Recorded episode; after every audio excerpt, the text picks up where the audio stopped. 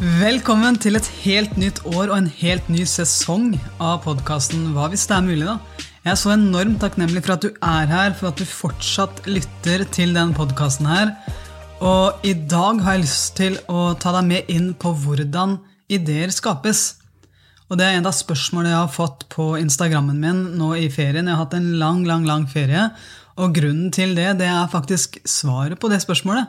Så jeg syns det var veldig fint å da starte med starte 2023 rett og slett med å svare på spørsmålet hvordan er det jeg skaper ideene, og hvordan kan du gjøre det samme? I de øyeblikkene hvor du føler at du står fast, eller i de øyeblikkene hvor du kjenner at ja, men jeg vet faktisk ikke jeg, jeg, ser ikke sammenhengen her, jeg vet ikke hva jeg skal gjøre med ting, jeg, jeg vet ikke hvordan jeg kan ta det neste steget. Der har du noe som heter en fantasi. Og du kan bruke den til din enorme fordel. Du kan skape nye ideer basert på det du allerede gjør, finne nye, bedre løsninger.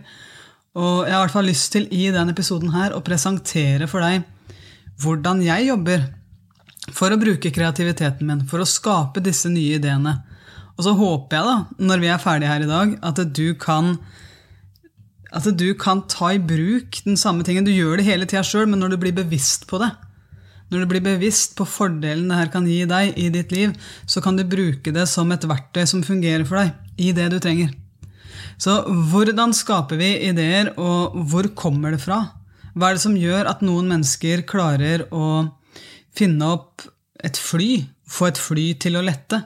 Hva er det som gjør at noen mennesker plutselig tenkte Nei, vet du hva, de hestene de gikk litt sakte, skal vi ikke bare lage biler? Hva er det som gjør at noen mennesker tenker Hva er mulighetene her? Hvordan kan jeg komme styrka ut av det i settinger hvor, hvor ting kanskje er vanskelig? da? Mens andre bare blir helt malplassert og tenker nei, det her får ikke jeg gjort noe med. Jeg har aldri løst sånne situasjoner før. Jeg ser ingen muligheter her. Hva er det som gjør at ideer blir skapt, og hvordan kan du bruke det her i ditt liv? Så jeg gleder meg veldig til å dele denne episoden her med deg, fordi det her er noe jeg virkelig lever sjøl og bruker selv som verktøy, og du kommer til å høre mye av det framover i podkasten. For jeg har hatt nå en jeg har personlig tatt en lang ferie fra podkasten, og grunnen til det, det er at for meg så skapes ideer også i stillhet. For meg så trenger jeg å roe ned for å kunne gi gass. Jeg trenger å roe ned for å kunne se sammenhenger. Og i denne pausa som jeg har hatt nå, så har jeg skapt mange nye konsepter som jeg kommer til å dele med deg på podkasten her. Eh, så det er ikke sånn at jeg bare har ligget på latsida og ikke gjort noe. Jeg har skapt enormt mye. Alt fra spennende, syns jeg i hvert fall. Da. Eh, motivasjonstaler, peptalks på to-tre minutter, til meditation. Hvordan du kan ta meditasjon rett ut i action og gjøre det i nå-øyeblikket. Så jeg har laga mange nye, spennende konsepter. Og så går jeg da inn på Instagrammen min, for jeg har vært litt i innboksen der, selv om jeg også har hatt ferie egentlig fra sosiale medier. Så ser jeg at en av dere spør hvordan skaper du dine ideer? Hvorfor er du så kreativ? Og det hadde jeg lyst til å svare på i dag, for det tror jeg gjelder flere. Jeg tror vi flere trenger den der. Så det jeg bruker, og som jeg har studert mye, det er jo det som Napoleon Hill skrev i boka Think and Grow Rich. For han mener at vi har, vi har to ulike måter å bruke fantasien vår på. Og det her vet vi jo egentlig fordi vi har jo, vi har gjort det hele livet. Du bruker fantasien din hele tida. Det er veldig mange som sier ah, 'det gjelder ikke meg, jeg er ikke så fantasifull'. Jo, du er det. En dame som sa 'nei, har, vet du hva, jeg har så sykt ræva fantasi'. Ja. Vet du hva hun klarte å si bare et par dager etterpå? Hun var redd for å dusje. For hun var redd for at kroppen bare skulle bli sugd ned i sluket. Skjønner du hvor enormt fantasifullt det er? Og Veldig mange bruker fantasien sin på den måten her, men de bruker det ikke nødvendigvis som en fordel for seg sjøl. Og det er det jeg har lyst til å, å, jobbe litt med i dag. Hvordan kan vi ta det som vi allerede gjør, og så bruke det som en fordel? Så Napoleon Hill han sa at um, vi har to ulike måter å bruke vår fantasi på. Den ene kaller han, eller kalte han, for den syntetiske måten å skape ideer på. Og den andre er den kreative måten å skape ideer på. Jeg bruker begge deler, og jeg har lyst til å presentere begge deler til deg i dag. Jeg elsker det. Jeg syns det er enormt spennende, og jeg, jeg liker å være klar over det, sånn at jeg kan bruke det som et verktøy. Så for å ta den første først, den syntetiske. For meg det her, altså Think and Grow Rich ble jo skrevet for mange, mange, mange år siden. Så for meg så er den syntetiske egentlig logikken vår. Det er hodet vårt. Det er der vi klarer å se sammenhengene mellom ting. Det er der du kan ta én ting, og så kan du bare gjøre den bedre. Et veldig enkelt eksempel på det her, det kan jo være en stol. Noen hadde sett at en stol hadde blitt laga, og så er det noen som tar det som utgangspunkt, og så lager de en gyngestol. Og så kan de ta det som utgangspunkt, og så plutselig så har du en rullestol. Og så kan en, en stol som en gang bare var en helt vanlig stol, serve veldig mange flere funksjoner. Så det er jo det veldig mange bruker noe som allerede er, og så gjør de det bare bedre. Og så blir egentlig ganske originale ideer skapt basert på noe annet som en gang var originalt. Er du med på det? At du har sett noe, du har sett en sammenheng, du har sett noe blitt gjort, og så, og så bruker du da fantasien din på å tenke hvordan kan jeg gjøre det her bedre? Hva er sammenhengene mellom det jeg ser foran meg nå, og andre ting som jeg også har lært tidligere, og hva skjer hvis jeg smelter de to her sånn sammen til å lage et eget konsept? Så det her er at du lager noe basert på noe som allerede er. Eh, en, en gang jeg har gjort det sjøl, det er jo når jeg skulle spille mesterskap for Norge. Og når jeg går på banen, så har jeg på meg landslagsdrakta, og jeg har på meg svettebånd. Hver eneste gang før jeg gikk ut og spilte en landskamp, så skrev jeg også noen stikkord på hånda mi som var viktige påminnere for meg, som jeg hadde lyst til å ha tilgjengelig for øyet mitt hele tida når jeg spilte kampen. Det er noe jeg anbefaler deg å gjøre òg. Eh, hvis du liker det, da. Jeg likte det veldig godt, så jeg skrev hele tida på hånda mi. Og et ord som var viktig og veldig gjentagende for meg, det var å minne meg sjøl på win. Altså på øyeblikket. What's important now? Hva er min win akkurat nå, i det øyeblikket her? Så jeg dreiv og skrev win veldig ofte på hånda mi for å ha det tilgjengelig for øyet. Eh, når jeg kom hjem fra det mesterskapet, så kikka jeg på et bilde av meg sjøl hvor jeg hadde det svettebåndet. Kikka jeg på hånda mi, og så tenkte jeg hva om vi kombinerer svettebåndet med de stikkorda? Hva om jeg lager en plastlomme bak det svettebåndet? Sånn at jeg kan legge en lapp inni den plastlomma og skrive de stikkordene jeg trenger inni den lomma. Og det som var gull med det, det er at derfra så begynte jeg også å bli en bedre playmaker i håndball. Det er altså der jeg skal styre opp hvem av mine medspillere som Hvordan jeg skal sette de i ulike gode posisjoner for de, da, hvordan jeg kan spille de gode. Og det jeg vet, det er at eh, de spillerne som står på hver sin side av meg, de foretrekker ulike systemer. De har ulike spisskompetanser, så de trenger ulike ting.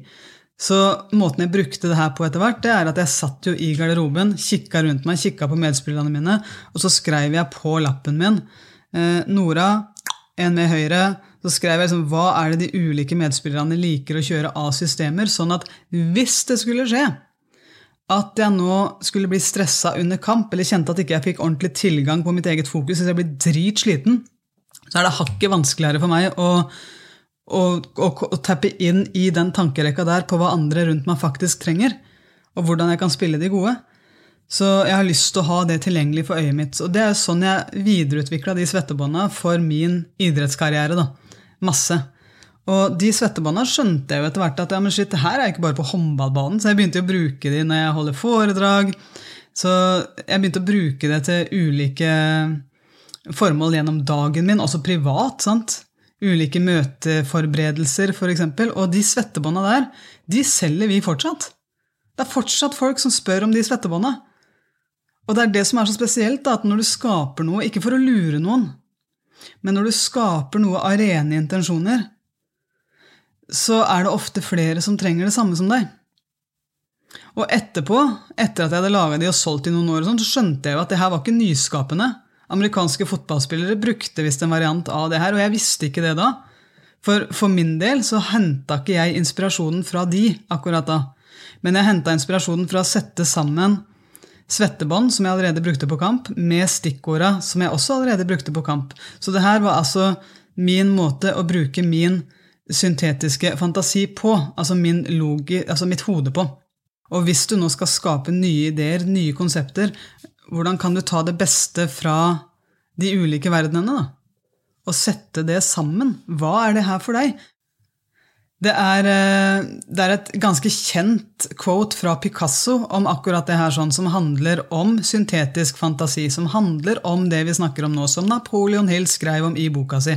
Han sier det at gode kunstnere kopierer, fantastiske kunstnere stjeler. Og jeg, altså, jeg har veldig blanda følelser, jeg må innrømme det, når jeg leser det her, og når jeg, når jeg hører det her og prøver å ta det inn i hjertet mitt. For det, det, å stjele noe, det føles ikke bra. Men det han mener, da, det han mener, det er at eh, hvis du kopierer noe, så er det jo et direkte duplikat. Det er en kloning, sant? Og det er veldig lett å se at det her er en kloning av noe annet. Men hvis noe er bare stjålet opp og på en måte skjult inn og bakt inn i noe annet. Hvis du bare låner ideen litt, da, og du baker den inn sammen med noe annet, så, så, vil du kunne skape noe nytt basert på det. Og den veldig fine varianten av det, det er jo da hvis du gir kred til de menneskene som hadde den opprinnelige ideen, som du kunne da gi enda mer verdi til. Og det bringer meg videre på hvordan kan vi gjøre det her i et samarbeid med andre mennesker. Ivar Haugstad, Geir Styve, Tom Åge Myhren Alt det her sånn, det er, det, er, det er, mange mennesker som jeg fikk lov å møte for mange mange år siden, og som er fantastiske foredragsholdere, egentlig. som Jeg, jeg blei veldig inspirert av kreativiteten deres. Eh, og noe av det vi gjorde når vi møttes, det var at vi hadde copyright 2.0 retten til å kopiere alt av alle. For vi var, jo, vi var, jo, mennesker som hadde lyst til å bringe et budskap ut i verden gjennom å holde foredrag. Så på den måten så var vi også egentlig konkurrenter. Men det vi gjorde, det var at eh, vi la alle ideene, alt som funka på scenen, for å hjelpe publikum med å forstå. Vi la alle de ideene på bordet, og så tok vi copyright 2.0, altså copyright 2.0, retten til å kopiere alt av alle. Her er min idé, gjør den bedre. Litt sånn Steve Jobs tankegang. Her er min idé, gjør den bedre.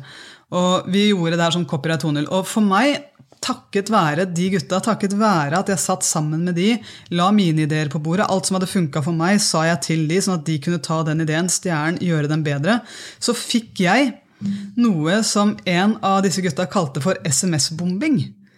Eh, og det han gjorde da, det var at uh, hvis du har en sal med 500 mennesker, få opp et, uh, et telefonnummer i salen, og, altså på storskjerm, da, sånn at alle i salen ser det, og så ta eh, Be alle i salen om å sende en melding til den personen.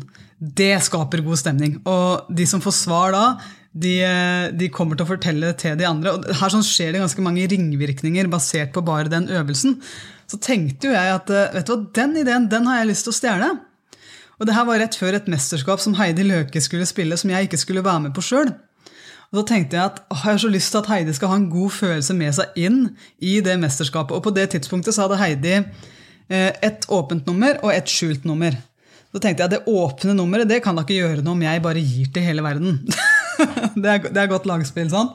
Så det jeg gjorde da, da hadde jeg en sal med rundt 500-600 mennesker. Det var helt stappfullt i den salen. Så tar jeg opp et bilde av Heidi med telefonnummeret hennes.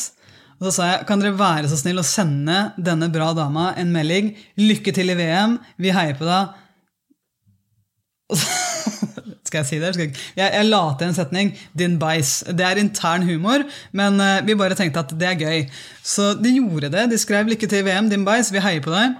Og når Heidi da mottar 500 meldinger altså Hun holdt på å le seg i hjel. Hun begynte å svare på de to-tre første, for hun er jo sånn, hun liker jo å svare, hun liker jo å være tilgjengelig, og hun, hun er jo ekstremt takknemlig når hun mottar sånt.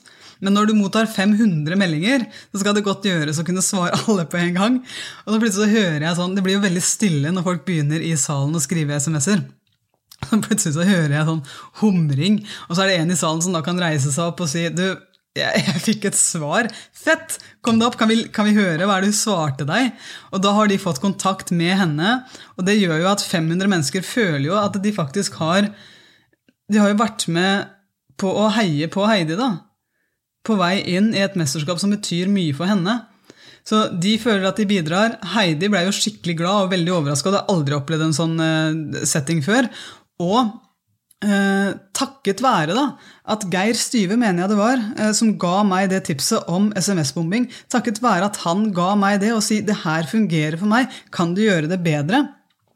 Så kunne jeg ta det og så kunne jeg gjøre det til en sånn greie der jeg kunne gjøre det på min måte. Og videreutviklinga av den ideen der, det blei jo for Gro og meg når vi skulle holde Fremsnakk sammen, det var jo å finne ut av hvordan kan vi skape effekten av SMS-bombinga, altså det å virkelig få noen til å føle seg så sett, bli verdsatt og, og, gjøre det på en morsom måte. Så det vi gjorde når Atiko skulle lage fremsnakkarrangementene for oss, det var at vi tenkte vi har veldig lyst til å gjøre noe spesielt for de som sitter i salen. Vi har veldig lyst til at de skal bli sett, og at fremsnakk skal handle om praksisen, at de kan se hvordan vi kan gjøre det i praksis. Så vi, vi skjønte jo at eh, arrangementet hadde blitt lagt ut på Facebook, og at folk kunne klikke sånn 'kommer'. Og da kunne jo vi gå inn og se hvem er det som kommer på vårt arrangement. Og når vi så det, så kunne vi gå rett og slett inn og stalke et av de menneskene. Og så kunne vi finne ut av hvem er det som har vært inne og likt på noen poster til det mennesket. Og så kunne vi ta det derfra igjen, ut og, og ta kontakt med den personen som har skrevet noe fint til vedkommende. Så jeg ringte jo til et par mennesker som jeg ikke kjenner, men jeg bare sa at jeg vet at uh, du kjenner, og så sa jeg navnet på den personen. da. Jeg vet at du har vært inne akkurat nå og likt en post på Facebooken hennes. Hun kommer på foredraget vårt. Kan du nå bare gi meg noen stikkord om hvorfor du syns henne er verdifull? Så når jeg da gikk opp på scenen, så satt vi bare på helt rolig bakgrunnsmusikk, og så plutselig boosta vi opp et bilde av den personen som vi visste satt i salen. Og så kunne jeg da lese opp hvorfor hennes venner syns at hun var verdifull. Det er jo framsnakk. Og det er sånn en grunnidé var SMS-bombinga. Det var jo å legge ut et nummer der alle i salen kunne bli engasjert. Så tenkte jeg, hvordan kan vi gjøre det litt annerledes, tweake litt på det i tema framsnakk? Jo, hva hvis vi også involverer publikum, men hva hvis vi tar framsnakk inn i publikum og rett og slett bare framsnakker publikum? Hvordan kan vi gjøre det? Så for meg så er det å bygge ideer oppå hverandre, det å bare få bruke fantasien min på å smelte sammen gode ideer, det funker. Og når du gjør det her sånn, så kan du også begynne å tenke på din utvikling på håndballbanen, din utvikling som leder, din utvikling som forelder, din utvikling som kjæreste. Hva er det her for deg? Hva er det som fungerer? Hvilke ulike arenaer er det du fungerer på? Og hvordan kan du smelte sammen de ulike arenaene sånn at du kan bli mer av det mennesket du ønsker å være? da? Så her kan du også bruke den syntetiske fantasien din. Her kan du, sånn som Jeg for eksempel, jeg elsker å være sammen med ungene mine, men jeg elsker å gjøre det samtidig som vi spiller basketball. Eksempel, og jeg elsker, jeg elsker musikk. Så for meg nå Nå skal Mio snart ha bursdag, så vi har jo lånt en hall der vi kan spille basket sammen og sette på høy musikk sammen. Fordi jeg vet at alle de tre små brikkene her sånn, de smelta sammen, det skaper en fin opplevelse for oss. Så hva er det som allerede fungerer, og hvordan kan du smelte de tingene sammen sånn at du kan eh, skape mer av det? da? Jeg håper det her gir mening for deg. Du kan bruke den syntetiske fantasien din til alt. Men så har vi også nummer to, som er den kreative fantasien. Det her er jo også den jeg bruker enormt mye, og som er grunnen rett og slett, til at jeg har hatt en lang pause. Det er fantasien som, som skapes i nærmest stillheten, der det bare kommer til deg, der du kjenner at du er i flow. Thomas Edison brukte denne kreative fantasien når han fant opp lyspæra. Det har jeg fortalt om før i eh, podkasten om hjernebølger. Vi mennesker vi har ulike tilstander som vi kan tappe inn i. Og når du tapper inn i tilstanden for intuisjon, blant annet, da, og den kan du også trene opp, sånn at du kommer i kontakt med intuisjonen din. Men også kommer i kontakt med noe som går langt over de grensene som samfunnet vårt kanskje har trent oss opp i at fins. Den derre ja, ja, men det er vel ikke mulig. Men i den kreative visualiseringa, i den kreative verden, så er alt mulig. Det er jo her vi begynner å stille oss sjøl spørsmålet hva hvis det er mulig, da? Hva hvis det er mulig? Det er her de Wright-brødrene begynte å tenke men hva hvis det er mulig å få et fly opp i lufta. da? Hva hvis det er mulig at mennesker kan komme seg av gårde i fartøy som ikke bare er fastklemt på jordkloden? Det her er eh, også måten Elon Musk har begynt å tenke. Ja, og vi er kanskje en, eh, en, jordklode som har for mange mennesker akkurat nå, eller vi har en jordklode som er i ferd med å ødelegge akkurat nå. Hva hvis det er mulig at vi skaper en verden nummer to da, på en annen planet? Det er, det er den der enorme 'hva hvis det er mulig', da, tanken, som noen som har det oppriktige motet, får kontakt med. Fordi de ser forbi alle grensene, de ser forbi alle de reglene som samfunnet har satt. Og hva hadde det eksistert i din verden hvis de grensene og de reglene hadde blitt vanna ut? Hvis du bare for et lite øyeblikk i alle de tingene som du tenker nei, men det er vel ikke mulig, hvis du bare våger å slippe garden litt på det og tenker men hva hvis det er mulig, da? så er det gull. Og det som er veldig veldig spennende med den kreative visualiseringa, det du kan se for deg i hodet ditt, det er at den er uendelig. Vi mennesker vi har en enorm kapasitet til å se for oss hva som helst. Vi kan se for oss enorme ting i vår fantasi, og det som ofte stopper oss, det er at i en tidlig fase så begynner vi å dele det som er inni hjertet vårt, det hva, hvis det er mulig, da, med andre mennesker som har håndbrekka på. Som ser reglene, som ser begrensningene. Og det gjør at veldig mange ideer dør ut. For da er det noen som bare tenker å nei, nei, da var det kanskje ikke noe. Men hva hvis det er mulig at det er noe, da? Hva hvis det er mulig at en av dine ideer er en vanvittig god idé?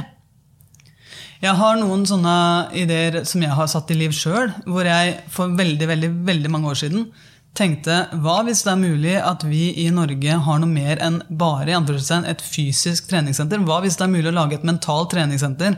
Der mennesker kan gå inn og booste seg, få litt sånn selvtillitsboost, trene på sin egen selvtillit. Hva hvis det er mulig at vi kan gå inn og bare ha en egen time for eh, kreativ boost? Hva hvis det er mulig at vi kan gå inn og bare gjøre alt det vi egentlig gjør fysisk med kroppen vår for å bli fysisk sterke? Hva hvis vi kan lage øvelser i et eget rom designa for det? Der gulver, vegger, tak, lyd Alt er designa for det. Sånn at du kommer inn der og bare føler at jeg kan både trene fysisk, men jeg kan også trene mentalt. Jeg kan trene meg sjøl opp hele kroppen, ikke bare fra halsen og ned. Hva hvis det er mulig å lage et mentalt treningssenter? da? Og jeg våga å dele den ideen med mange, og jeg lova meg sjøl at jeg skal ruste meg til motstanden. Jeg lova meg sjøl at i det øyeblikket folk dreper den ideen, så skal det være en liten flamme fortsatt værende inni meg som, som minner meg på men hva hvis det er mulig at den rette personen en dag dukker opp. da? Og det gjorde den.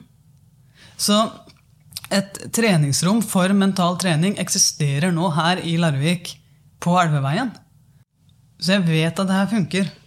Og jeg har veldig lyst til å oppmuntre deg til å ta kontakt med også den delen der av deg. Fordi i det øyeblikket du våger å komme i kontakt med den delen av deg som våger å se for seg ting. Da. Og jeg i hvert fall, jeg syns det er mye mye lettere når jeg kommer meg inn i en tilstand av teta. Der får jeg kontakt med noe som jeg ikke får kontakt med når jeg er i beta. Til de av dere som ikke skjønner en dritt av hva jeg snakker om nå, så hør eh, podkasten om hjernebølger, for da skjønner du hva jeg snakker om. Men, men i det øyeblikket du er litt stressa, så er det ikke så lett å få kontakt med gode ideer. Men i det øyeblikket hvor du åpner opp, og du er fri for spenninger i kroppen din, og du våger å se det for deg, og du smiler litt og tenker 'wow, hva hvis det er mulig', da? Så plutselig så kan du komme på ganske fete ideer som kan bety noe for mange.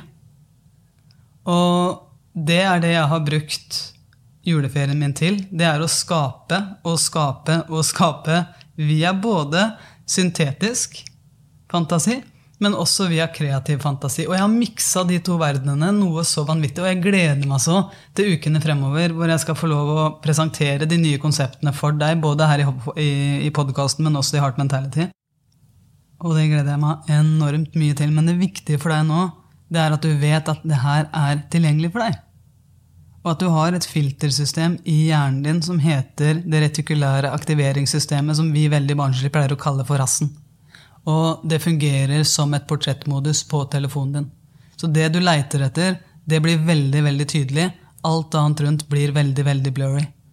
Så når jeg bruker f.eks. den syntetiske fantasien min, da, Og jeg vet at når noen forteller meg en historie, og jeg har aktivert intensjonen min, aktivert rassen min i huet, det retikulære aktiveringssystemet, på å leite etter hvorfor er den historien her inspirerende.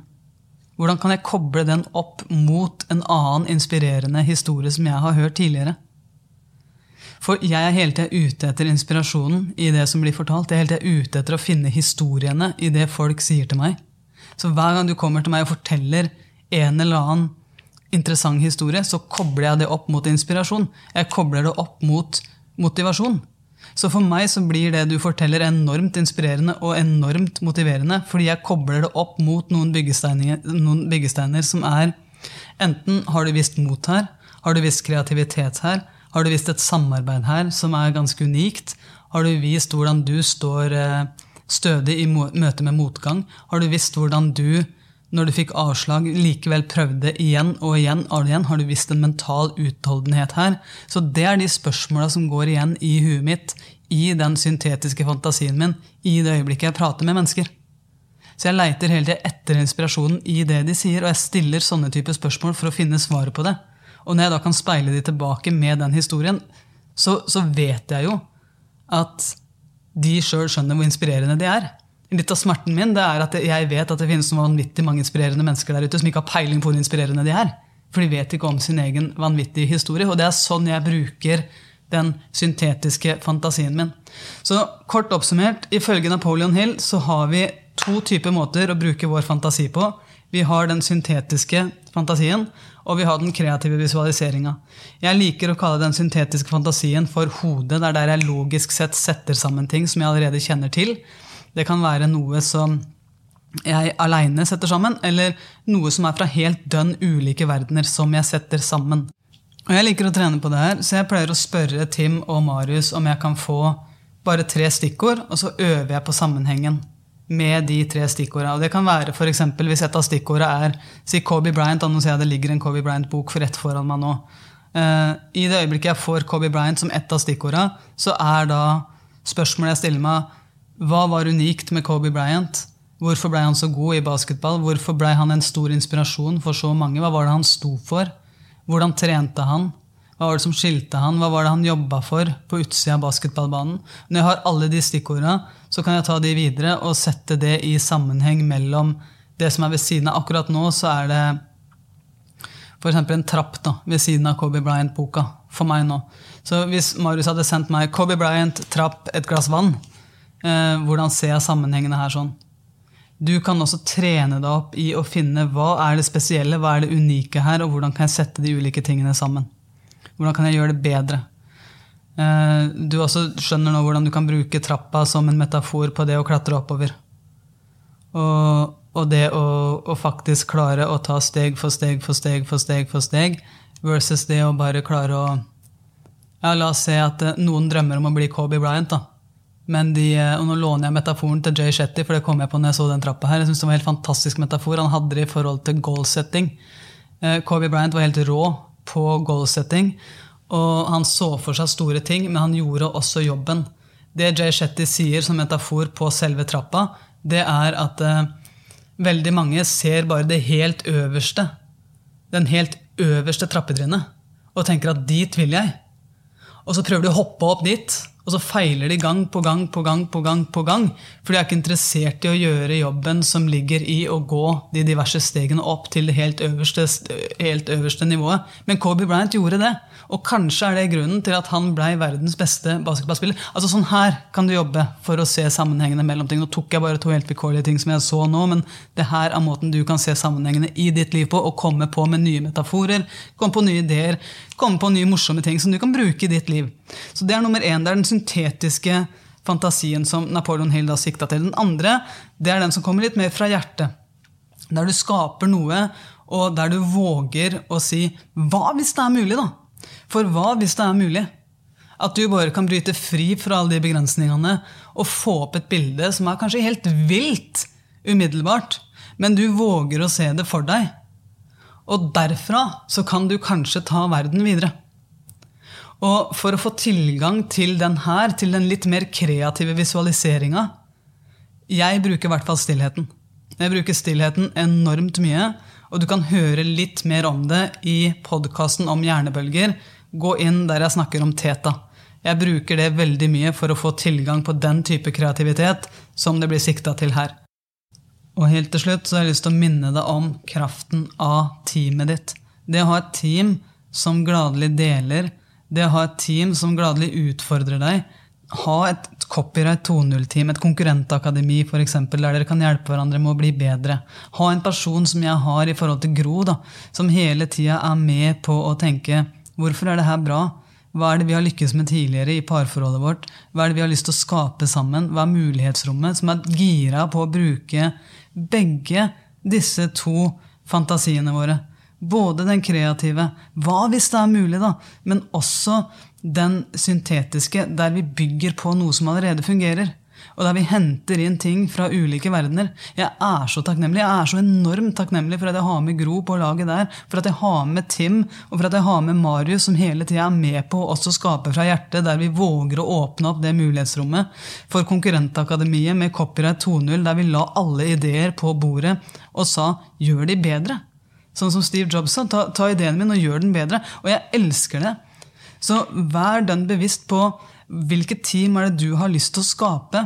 Og hvordan gir du rom for idéskaping? Hvordan gir du rom for kreativitet? Hva slags spørsmål stiller du som kan hjelpe andre mennesker inn i den tilstanden her? Det kan være gull verdt. For det er noe som skjer med oss mennesker i det øyeblikket vi kan ta noe ned fra fantasien vår, inn i hjertet vårt, og så fysisk se at det blir skapt. Og se at vi kan gjøre en forskjell for noen mennesker basert på noe som vi har sett for oss. Og det er så vanvittig mye mer konstruktivt enn å se for seg at du detter ned i sluket. Selv om det er gull verdt å vite at det bare egentlig beviser at du er ganske fantasifull. Så tusen, tusen takk for at du var med og lytta på årets første episode av podkasten Hva hvis det er mulig? da? Det var en episode med masse ideer. Det var en episode hvor jeg bare hadde lyst til å sette ord på hvordan skapes de. Og jeg håper du har fått noen ideer sjøl på hva du har lyst til å ta med deg videre. Ta gjerne copyright 2.0 av denne episoden her. Du har rett til å kopiere alt av meg. Stjel det, gjør det bedre gjør det til det som er ekte for deg. Så tusen, tusen takk for at du er du, for at du lytter. Gå gjerne inn på Instagram og si hei til meg. Jeg skal være på der igjen nå etter en liten pause, og jeg gleder meg veldig til å dele mer fra hjertet. Så nyt dagen videre. Og du, hvis, hvis du har lyst til å, å jobbe mer med meg, så finner du meg i appen Heart Mentality. Der har jeg livesending hver eneste tirsdag. Marius og Tim har livesendinger på mandager og onsdager. Så jeg anbefaler deg, hvis det her er interessant for deg, så ta en tur inn. Det er i hvert fall et sted hvor jeg liker å skape. Tusen takk for i dag.